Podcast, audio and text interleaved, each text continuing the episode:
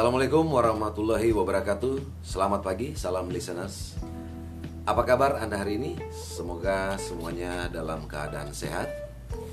Hari ini kita bersama dengan uh, salah seorang yang sudah malam melintang memimpin tim sales lebih dari 20 tahun dan banyak keberhasilan yang dicapai tentunya. Anda pasti penasaran siapa orangnya kan? Nah, hari ini saya sedang bersama dengan Bapak Norman Nugraha. Apa kabar Pak Norman? Alhamdulillah baik sekali. Apa kabar semua? Salam listeners. Mudah-mudahan semuanya juga dalam kondisi sehat walafiat dan mudah-mudahan hari ini dimudahkan dan dilancarkan semua urusan bisnisnya. Amin. Amin, amin, amin, amin. Oke, Pak Norman uh, sudah lebih dari 20 tahun memimpin tim sales. Mungkin bisa berbagi kepada salam listeners nih Pak. Gitu. Tips-tips hal-hal apa saja yang sudah Bapak lakukan terutama ketika ini kita memasuki tahun 2020 nih Pak gitu. Kira-kira tips-tips apa yang yang bisa Bapak bagikan kepada salam listeners untuk teman-teman ini bisa berhasil di dalam menjalani bisnis mereka di tahun 2020 Pak. Oke, uh, pada prinsipnya sederhana. Yang paling penting itu adalah ada beberapa elemen, elemen yang menjadi pondasi dan ini wajib dimiliki oleh seorang pemimpin di bidang okay. uh, eh, penjualan ya. Jadi ada lima hal ya. Dan saya juga menerapkan hal yang sama. Oke. Okay. Uh, eh, yang pertama itu tentunya adalah visi. Okay. Ya, jadi seorang pemimpin itu sudah pastilah pada umumnya itu harus punya visi. Terus yang kedua, tentunya harus punya kompetensi. Nah, kompetensi ini bukan hanya dimiliki oleh pemimpinnya, tapi begitu juga dengan orang-orang yang dipimpin. Yang ketiganya tentunya ada sistem penghargaan. Ya, karena yang namanya manusia itu kan senang kalau diberikan apresiasi, diberikan penghargaan untuk apa pun pencapaian mereka. Yang berikutnya sendiri, yang namanya seorang pemimpin dalam tim penjualan, ya harus punya armada penjualan, harus punya orang-orang yang menjual Semakin banyak berarti semakin maksimal. Dan yang kelima, tentunya harus punya rencana kerja. Itu lima hal dasar. Dan dan apabila kurang salah satu aja, itu akibatnya akan fatal. Jadi intinya bahwa sebagai seorang pemimpin untuk berhasil tentunya ada banyak elemen kan gitu Pak ya. Tapi pagi hari ini, hari ini Bapak akan coba berbagi gitu. Lima hal dasar untuk seorang pemimpin agar dia berhasil di dalam memimpin yeah, sebuah uh, unit uh, bisnis gitu. Iya. Yeah. Tadi Bapak sebutkan ada harus ada visi, harus punya kemampuan atau kompetensi, ada yeah. Iya. reward di situ. Sistem ya, sistem penghargaan. Harus punya tim tentunya. Pasti, pasti, ya, pasti. Dan yang paling penting lagi harus memiliki action plan, yes. rencana tindakan yeah. gitu ya nah. Pak. Oke, mungkin bisa bantu dijabarkan Pak, gitu. Kita mulai dari dari visi, gitu. Apa dampaknya uh, ketika orang itu tidak memiliki visi, atau mungkin juga sebelumnya Bapak bisa awali dengan visi yang baik itu sebenarnya seperti apa sih Pak?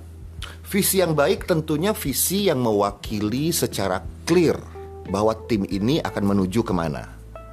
Ya, nah dampaknya itu fatal karena kalau sampai seorang pemimpin visinya tidak jelas, visinya tidak kuat, visinya uh, bahkan tidak ada, konsekuensinya adalah otomatis jalannya salah, oh. nggak akan nyampe deh ke tujuan okay. ke mana-mana itu loh. Sesederhana itu tapi fatal. Jadi visi itu benar-benar ada salah satu elemen dasar dan itu benar-benar strictly wajib dan bikin visi jangan asal-asalan. Harus clear harus mewakili apa yang dia mau harus mewakili semangat tim dan tentunya harus bisa dijangkau. Kalau nggak ada ya salah jalan. Tentunya paling penting juga berarti visi itu harus dipahami oleh semua anggota tim ya Pak. Setuju ya? Harus sampai sampai ke bawah. Ya supaya semua orang akan bergerak dalam dalam uh, kecepatan yang sama dalam akselerasi yang sama berpikir dalam frekuensi yang sama, semuanya sama. Oke. Uh, poin pertama ya Pak ya. Iya. Cuma visi. kita uh, yang poin keduanya Pak, apa tadi kompetensi Pak? Iya, harus punya kompetensi. Iya. Yang dimaksud keterampilan seperti apa ini Pak? Ya, otomatis setiap orang harus mempunyai kemampuan di bidang aktivitas dan pekerjaannya mereka. Kalau memang ini adalah armada penjualan, berarti orang-orang di dalamnya harus memiliki kompetensi untuk berjualan seorang pemimpinnya juga harus punya kompetensi untuk memimpin. Jadi intinya setiap individu itu harus punya kemampuan. Jadi kemampuan dari sisi leadernya Ya. dan juga orang-orang yang Iya benar, benar, benar. Kalau ternyata nih Ya. leader ini bahkan timnya kompetensinya terbatas, apa dampaknya pak? terbatas ataupun kurang ataupun tidak ada itu bisa chaos tim yang pasti chaos Oke. ya pernah lihat nggak ada satu tim yang akhirnya tim itu sibuk mungkin ngegeng ngegeng atau tim itu saling berbenturan. Tim itu bahkan bermain politik di dalam organisasi. Kenapa? Karena mereka tidak punya kompetensi. Akhirnya mereka menggunakan sesuatu untuk mempolitisir untuk mencapai tujuannya mereka. Nah, itu yang mengakibatkan tim itu bisa bentrok, bisa chaos. Akhirnya bukan rame-rame bersatu padu mencapai tujuan, tapi akhirnya berame-rame saling menjatuhkan. Dan semua itu diawali dengan tidak adanya kompetensi. Oke. Jadi eh, kita udah dapat dua poin nih, salam Iya. listeners. Iya. Jadi pertama kita harus punya visi sebagai leaders. Iya. Kemudian visi itu harus dipahami oleh seluruh tim Benar. dan bisa memotivasi. Kedua, ini harus memiliki kemampuan. Kemampuan. Kemampuan yang Iya, memadai. gitu benar. ya, Pak, ya. Kemampuan untuk mencapai visi yang sudah Oke. Dibuat. Kalau memang tujuannya jelas, kompetensinya tapi tidak ada, boro-boro gitu loh mereka sampai tujuan ya akhirnya ribut terus dalam tim. Nah, tadi Bapak sampaikan yang ketiga ada reward di situ. Seberapa penting reward ini ada, Pak, di dalam eh, sebuah unit bisnis atau dalam sebuah tim? sangat penting ya. Ah. Apalagi kalau untuk di eh, organisasi atau tim penjualan, pencapaian sebuah target, pencapaian sebuah penjualan itu kan bukan hal yang mudah. Jadi apresiasi itu harus ada, reward itu harus ada. Reward itu kan sebuah stimulasi, sebuah rangsangan yang bisa mempercepat jadi misalnya normalnya orang itu bisa capai dalam waktu 10 hari, mungkin dengan adanya sistem apresiasi, sistem reward orang bisa capai dalam relatif lebih cepat. Bisa 8 hari, bisa 7 hari. Makanya kalau tidak ada sistem reward dalam sebuah tim, jadinya lama sekali. Mungkin tim-tim yang lain sudah bisa capai, tim yang satu ini mungkin memerlukan waktu berkali-kali lipat. Seperti itu. Nah, mungkin eh, salam listeners agak-agak bingung mungkin, Pak. Bentuk reward yang yang yang harus diberikan. Oke. Sometimes mungkin teman-teman atau salam listeners berpikir bahwa reward itu selalu berhubungan dengan barang, Iya. berhubungan dengan uang. Apakah selalu seperti itu kira-kira, Pak? Oke, mungkin kita bisa bagi dalam dua kategori. Pertama memang secara fisik, kedua memang non fisik. Jadi yang fisik itu dalam artian kit- tim tersebut memiliki regular reward ya secara periodik. Misalnya memberikan penghargaan bulanan untuk orang-orang yang terbaik memberikan penghargaan quarterly kepada yang terbaik. Bahkan mungkin kalau mau lebih dipercepat waktunya menjadi penghargaan eh, biweekly bisa aja ya. Tapi ingat bukan hanya sekedar penghargaan secara periodik. Sebuah ucapan terima kasih pun merupakan bagian dari sistem reward itu sendiri. Contoh misalnya, Pak Ferry adalah member tim saya, ya kan? Saya tahu hari ini Pak Ferry dari pagi sampai dengan sore hari tidak berhenti gitu loh melakukan prospek ke orang-orang yang berkualitas. Dari sekian banyak orang, dapatlah nih satu customer. Mungkin nilainya tidak besar. Tapi saya sebagai pemimpin dalam sistem reward itu saya mengucapkan Pak Ferry selamat ya walaupun nilai tidak besar tapi saya tahu Pak Ferry telah melakukannya dengan sungguh-sungguh dan dengan kerja keras yang luar biasa itu aja sudah merupakan stimulasi gitu sehingga membuat orang itu semakin motivasinya juga semakin bagus seperti itu Jadi memang reward sangat dibutuhkan Iya, ya, Pak ya. iya. Oke, yang keempat tadi eh, elemen yang berikutnya Bapak katakan bahwa untuk kita berhasil tentunya harus memiliki eh, sales force, Iya. memiliki pasukan ya. Pak, Memiliki ya? pasukan. Ah, kenapa Pak? Ya, kalau kita mau lihat dari angle mana sih? Sederhananya aja, kalau memang tidak ada pasukan ya tidak ada perubahan buat tim kita. Jelas-jelas kalau misalnya kita berbicara dalam konteks bisnis eh, asuransi, semua orang tahulah ya bahwa formulasi dasarnya adalah the law of the large number. Jadi semakin banyak eh, pasukannya dengan catatan punya kualitas ya, berarti itu akan linear garis lurus dengan hasil atau produktivitas yang kita uh, inginkan ya. Jadi seorang pemimpin itu harus punya pengikut. Bahkan ada quote yang mengatakan if you want to be a leader you have to have followers. Followers jamak loh. Berarti kan banyak. Seperti itu. Nah, jangan punya uh, harapan yang terlalu tinggi kalau misalnya armada penjualan kita hanya sedikit, hanya dua orang, tiga orang. Jadi tidak ada perubahan sama sekali kalau kita nggak punya armada penjualan yang banyak. Iya. Oke, jadi uh, poin pertama tadi kalau kita coba kita coba ulangi lagi. Yang pertama tadi harus memiliki visi, kedua harus memiliki kemampuan atau keterampilan, ketiga harus ada sistem penghargaan di dalamnya situ. Iya. Kemudian harus yang pasti harus memiliki sales force armada Iya, gitu iya. ya Pak ya.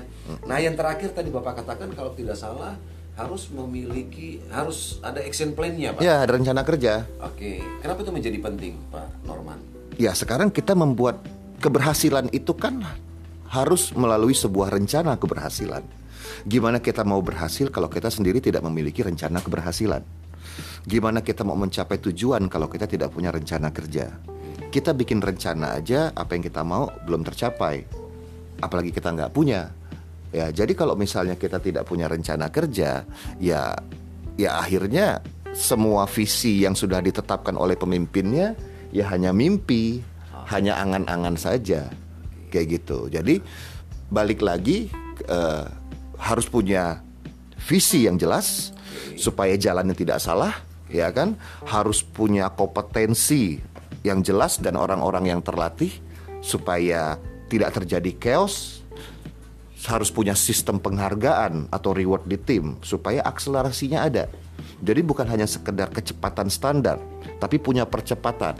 Dan kemudian harus ada armada pemasaran itu sendiri orang-orang yang banyak agar terjadi perubahan hasil di tahun 2020 ini berbanding tahun kemarin dan yang terakhir ya siapkan rencana kerja seperti itu. Ya itu sih lima, li- lima elemen penting. Itu lima elemen dasar. Lima elemen penting. Ah, jadi mungkin kalau bo- boleh nggak nih saya menghimbau ke teman-teman leader? Boleh banget. Boleh ah, banget. jadi eh, siapa pun yang mendengarkan teman-teman leader yang mendengarkan pastikan lima hal ini ada gitu loh. Satu aja dari lima ini tidak ada itu akan berpengaruh signifikan terhadap hasil yang mau kita capai. Kayak gitu. Jadi lakukan hal ini. Karena eh, ini sudah dilakukan. Bukan cuma saya loh. Ya banyak pemimpin-pemimpin yang berhasil di bidang penjualan juga melakukan hal yang sama. So mungkin waktu yang waktu yang yang tepat mungkin berarti Pak Norman ya saat ini untuk salam listeners terutama para leader ini mulai cek apakah dari lima elemen yang Bapak maksudkan ini ini mereka udah punya atau belum. ya Kalau belum punya, berarti juga ini mungkin waktu yang tepat untuk mereka mulai melakukan perubahan. benar Setuju ya, Pak, setuju ya? setuju sekali Oke, mungkin ada lagi yang mau disampaikan Pak Norman untuk eh, para pendengar kita, salam listeners kita, teman-teman kita di luar sana yang ingin tentunya menjadi leader-leader yang hebat, Pak. Hanya harapan dan doa Harapan dan doa. buat teman-teman eh, leader semua, mudah-mudahan di tahun 2020 ini eh, diberikan kelancaran dan kemudahan, Amin. diberikan kekuatan dan kebijaksanaan dalam memimpin, ya kan, sehingga kita bisa maju bersama-sama mencapai, insya Allah mencapai tujuan yang kita mau. Alhamdulillah. Jangan lupa juga untuk selalu mendengarkan podcastnya Salam Institut, karena belajar nggak ada batasnya. Oke. Pak Norman, terima kasih banyak waktunya. Salam listeners, eh, luar biasa hari ini kita sudah mendapatkan eh, banyak ilmu. Pak Norman sudah bersedia dari dalam kesibukan Pak Norman untuk berbagi informasi bersama kita. Eh, semoga ini bermanfaat untuk teman-teman semuanya untuk kita mencapai keberhasilan kita di tahun 2020. Dan saya Ferry Kaluku mengucapkan terima kasih sekali lagi Pak Norman. Oke, terima kasih Pak Ferry. Semoga semua ini bermanfaat. Amin. Untuk salam listeners, tetap semangat untuk belajar, tetap semangat untuk selalu mendapatkan informasi-informasi yang terbaru karena belajar gak ada batasnya. Assalamualaikum warahmatullahi wabarakatuh.